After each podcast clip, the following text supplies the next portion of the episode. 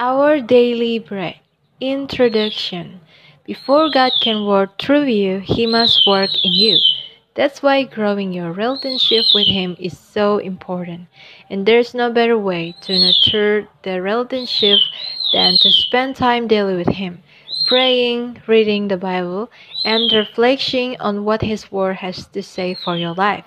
This daily definition occurrence that kind of disciplines in this treasury of inspiration you have a year worth of definitional focus on the Word of God.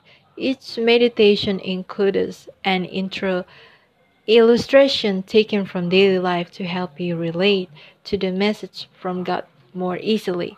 Our daily bread is this truth around the world and translated into nearly 50 languages.